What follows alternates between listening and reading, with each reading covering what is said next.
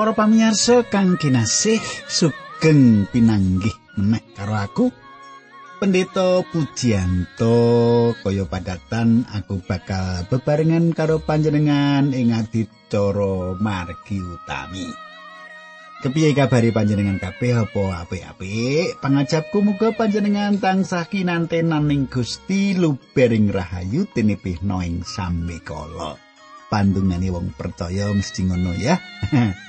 Nah kadangku kaya padatan, saben-saben aku matur karo panjenengan atur pasugatan adicara iki mirunggan kagem panjenengan sing remen gegilut remen sinau isining kitab suci. Adicara iki tak aturake marang panjenengan isine jangkep runtut tur prasaja sederhana manut urutaning ayat lan pasal saka kitab suci kita iki. Andharane mratelake meh saben ayat kala-kala kanthi nggayutake karo panemune ilmu kasunyatan sarta kahanan urip pedinan panjenenganan aku utamane ing babagan-babagan tata kasupen. Nah ayo nyerak karo aku ing kene bebarengan gatekake apa sing dadi pangandikane Gusti. Lan sugeng midhangetake ati cara iki.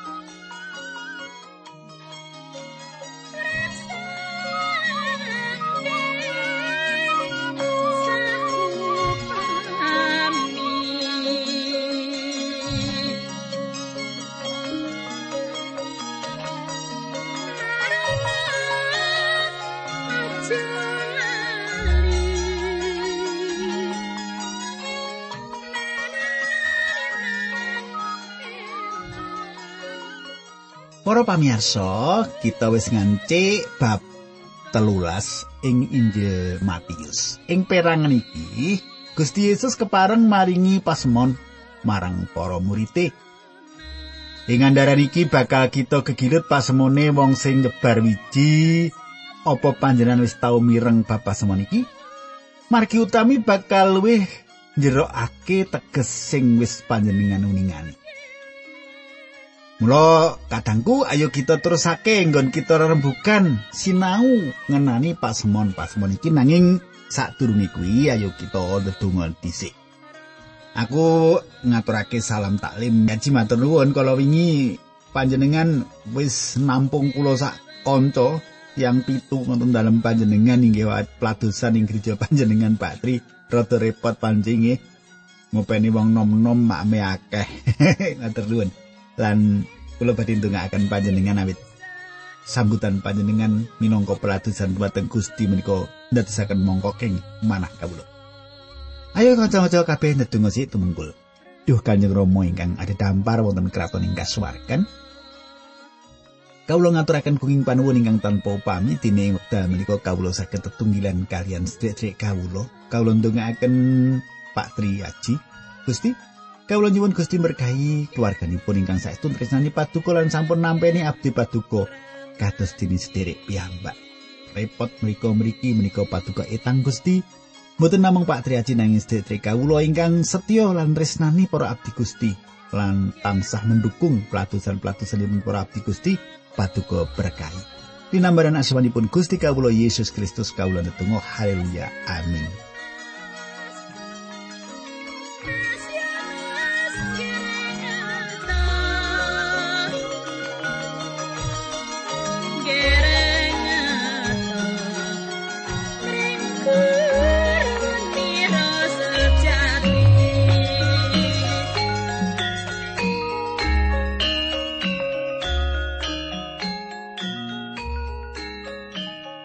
Mitraku, ing pasal telulas iki akeh pasemon sing diparingake Gusti Yesus marang para murid lan sing padha ngetut mburi panjenengane. Nanging panjenengane mung maringi teges rong pasemon wae, maringi makna rong pasemon wae, sing siji pasemon bab nyebar wiji, dene liyane bab tukuli alang-alang lan tanduran gandum. Nggone Gusti maringi keterangan iki bisa dadi pedoman ing pasemon-pasemon liyane. Upamane ing pasemon nyebar wiji, ing kono ana paraga manuk sing nyucuki wiji-wiji. Manuk pasemone iblis Samubarang sing asipat Allah ora becik. Mula yen ana pasmon liyane sing gambarake manuk tegese bab sing ora becik. Kanthi mengkono teges ing kabeh pasmon bisa luwih gampang dimangerteni. Pasmon bab nyebar wiji iki ngemu wewadi sing jero. Malah ana sing kandha yen pasmon iki minangka landhesan. Minangka dasar sakabing pasemon saka panjenengane Sang Kristus. Coba panjenengan semak Matius 13 ayat 3. Gusti Yesus banjur mulang bab perkara rupa-rupa srana pasemon. Pangandikane ana wong tani nyebar biji. Mengkono surasane ayat 3. Sumitraku, ayo kita udari pasemon nyebar wiji iki.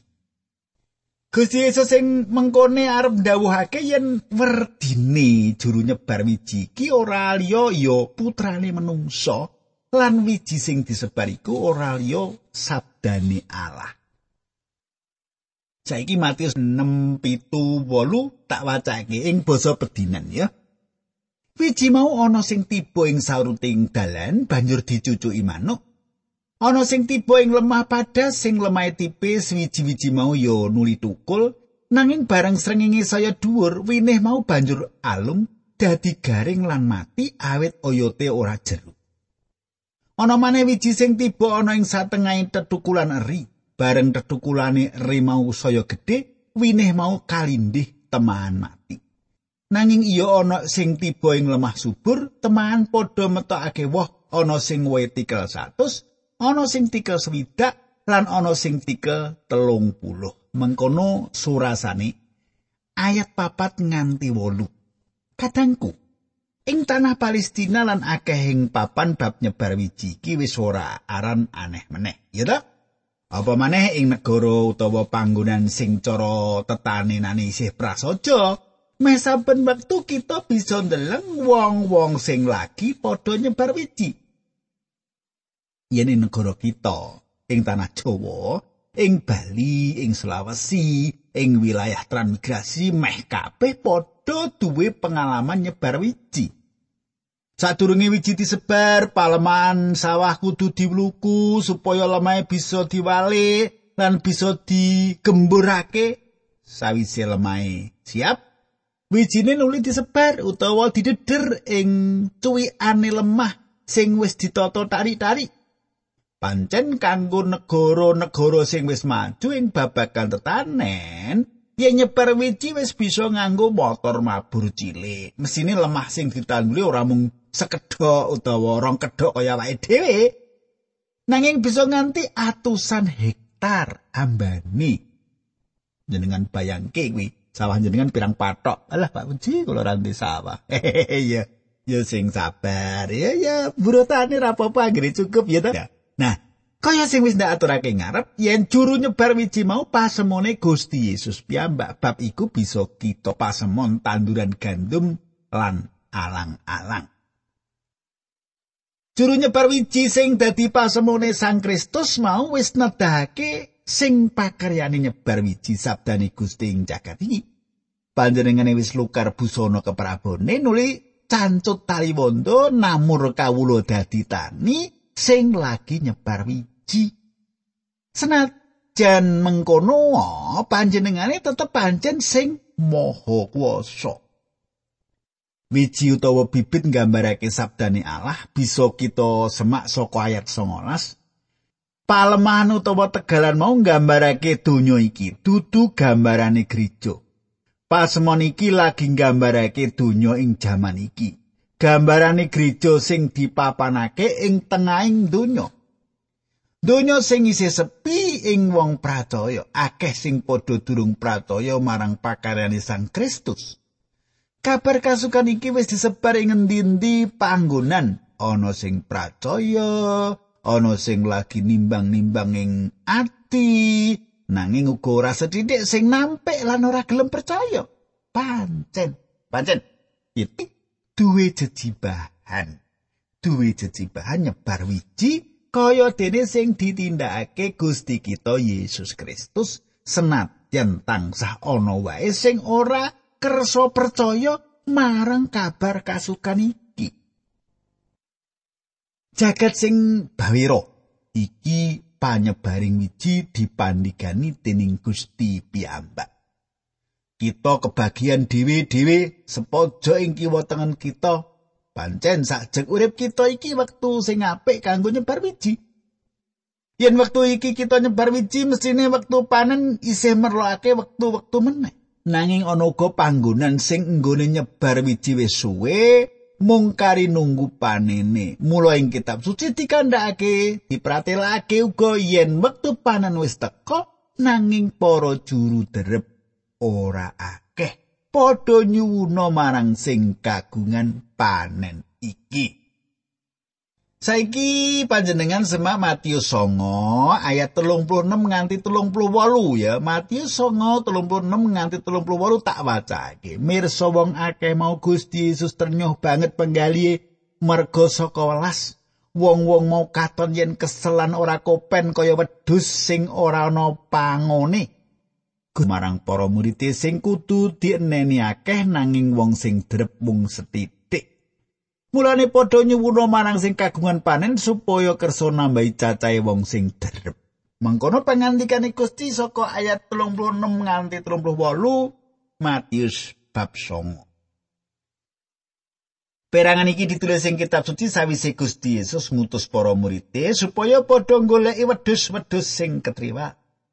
Angger-angger Torat wis meh puput tekane mangsa kanugrahan wis teka kanthi biara lan panyet mangsa panen gedhe sing mesti bakal teka. Wis 1500 taun angger-angger Torat dadi wiji sing disebar.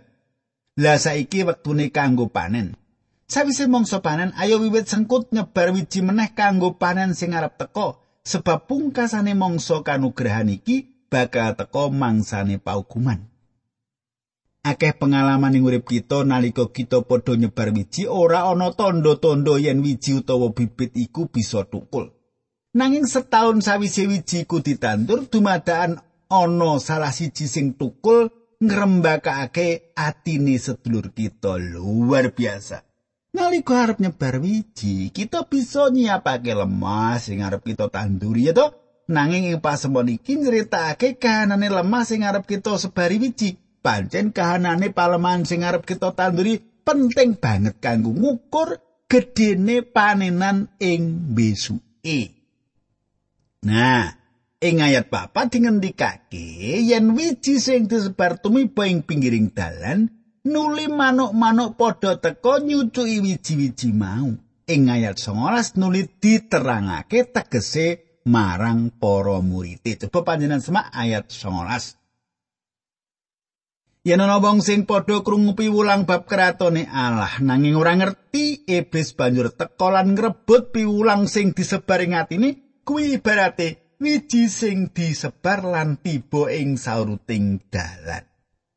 Manuk-manuk mau nggambarake iblis si jahat sing njupuke wiji sing disebar mau. Iki pasemone para wong prato sing kudune dadi pamikirane dhewe-dhewe. Aja padha ngandhake yen wiji sing tumiba ing pinggir dalan mau gegambaran kanggo wong liya.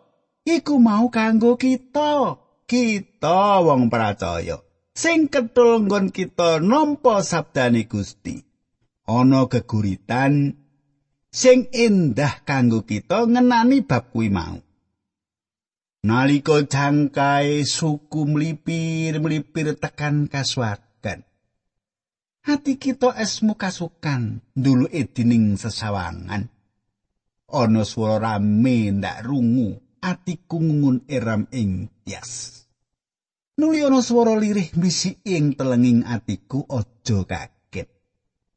Lan aja ndulu kanthi wigati sebab kabeh padha kagawukan ndulu ndika ana ing swarga.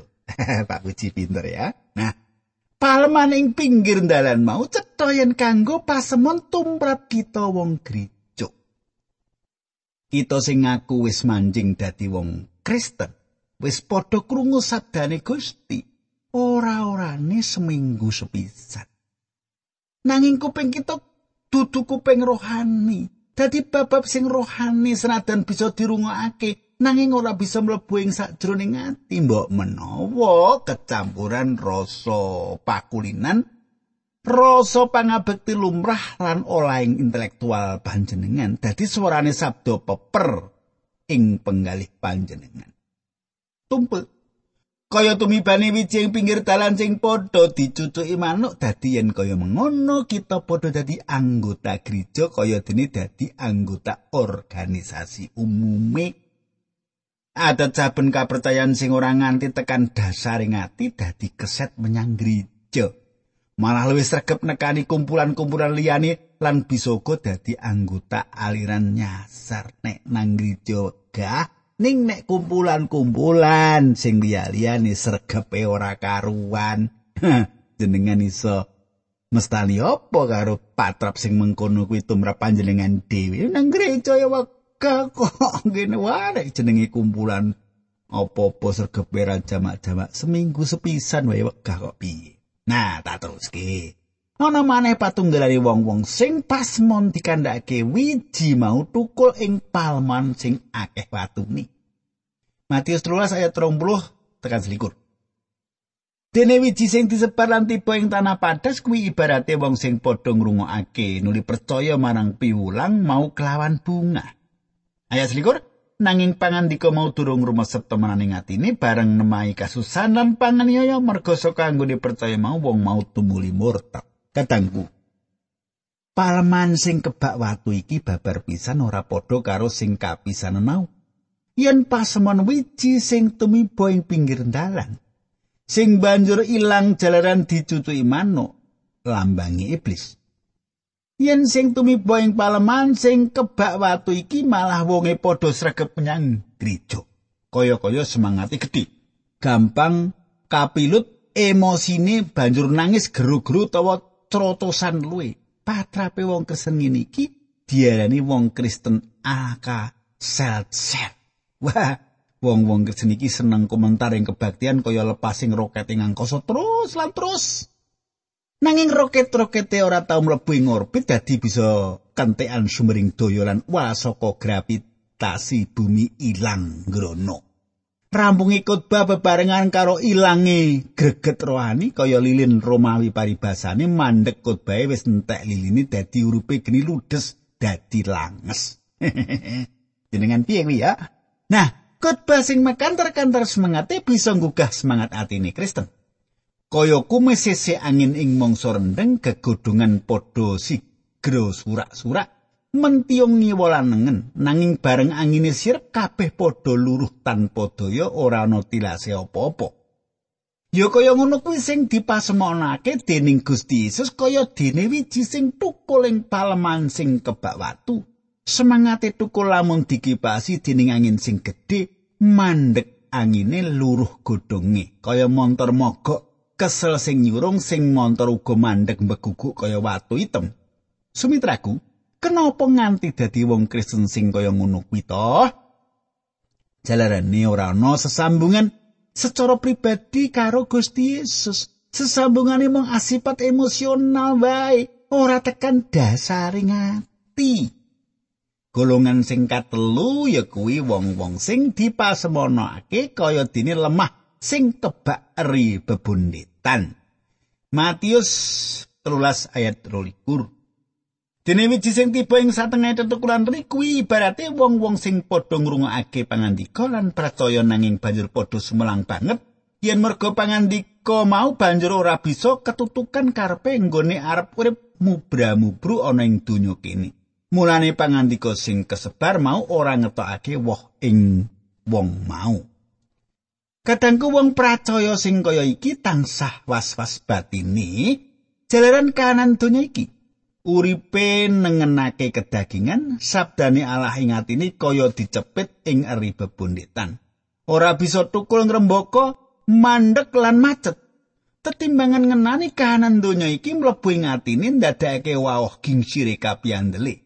Kahanan iki bisa jalaran kemelaratan uripe nganti sabdane Gusti ora tukul lan ngetokake woh nanging uga jalaran kasugian.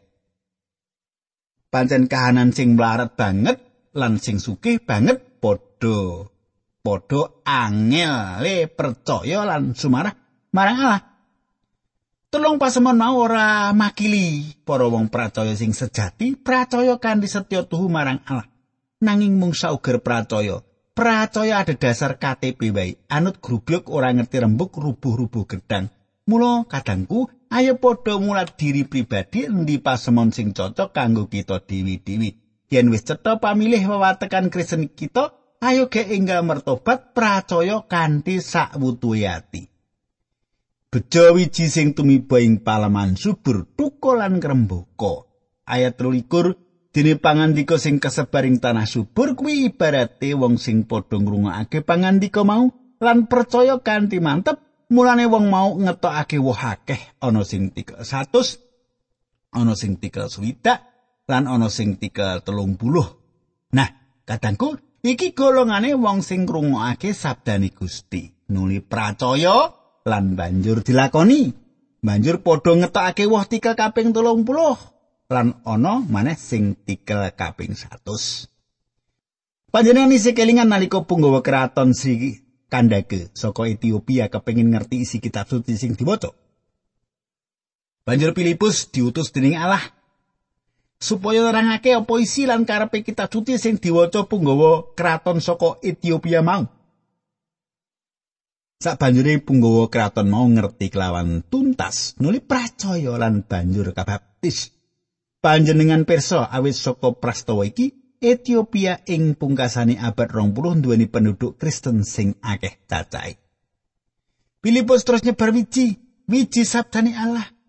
Saka panguasane Allah sabda sing disebar kaya dene wiji awit saka tuntunane Roh Suci bakal padha tukul ing atine saben wong sing kepingin percaya. iki pakaryan kratone Allah sing diwiwiti saka kersane juru nyebar wiji Sang Kristus yo sang pangen utami. Sawise panjenengane Gusti Yesus maringi pasemon bab nyebar wiji nuli ana pranyatane sing narik kawigaten kita sing dudut ati kita. Ayat songo. Gusti Yesus tumuli mungkasi piwulang mau srana ngendika sapa sing duwe kuping padha ngrungokno? Kadangku yen kita padha ngrungokake mung kanthi kuping kita apa kita bisa krungu kanthi bener panjenengan migatekake wangsulan sing diparingake Gusti. Matius 10 Matius 13 ayat 10 Para murid Gusti Yesus tumuli padha sowan ing ngarsane lan nyuwun pirsa. Menapa sebabipun dene Gusti menawi mulang tiang kathah kok mawi pasemon? Katengku ana panemu yen pasemon ing kitab suci iku sawijining crita kadonyan utawa sekuler. Nanging isine bab kaswargan rohani pasemon bisa kanggo ngukur kahanan kita. Ayat 11 Gusti Yesus ngendika wis dadi kersane Gusti Allah supaya mung kowe sing nyumurpi wewadining kratone swarga dudu wong akeh mau katangku kamardikaning panindak sing diparingake Allah marang panjenengan bisa panjenengan agem ngemoi sabdane Gusti nutup sakabing pamirenging talingan lan ati lan panjenengan bakal ora bisa ngrasakake sabdane Allah sing edi lan indah kanggo urip ing salawas-lawase. Ayat 13. Sebab wong sing wis duwe kuwi bakal keparingan nganti luber. Nanging wong sing ora duwe apa sak duwene malah bakal kapundhut. Katengku menawa panjenengan wis kagungan pangerten sedidik lan kepengin mundhak akeh Gusti bakal maringi. Nanging yen panjenengan wis ngemoi Gusti ora bakal maringi pangerten opo-opo marang panjenengan. Mula aja mbuang wektu diinggal panjenengan nampi sabdane Gusti lan nampi tentrem rahayu ing gesang panjenengan. Nuwun. Monggo kita tumungkul kita ndedonga. Duh Gusti Allah, kawula ngaturaken kuing panuwun menawi wekdal menika kawula saged penggilan. saged sesarengan sedherek kawula ingkang setuhu setya midhangetaken adicara menika berkahi Gusti dinambaran asmanipun Gusti Yesus Kristus kawula netunggal haleluya amin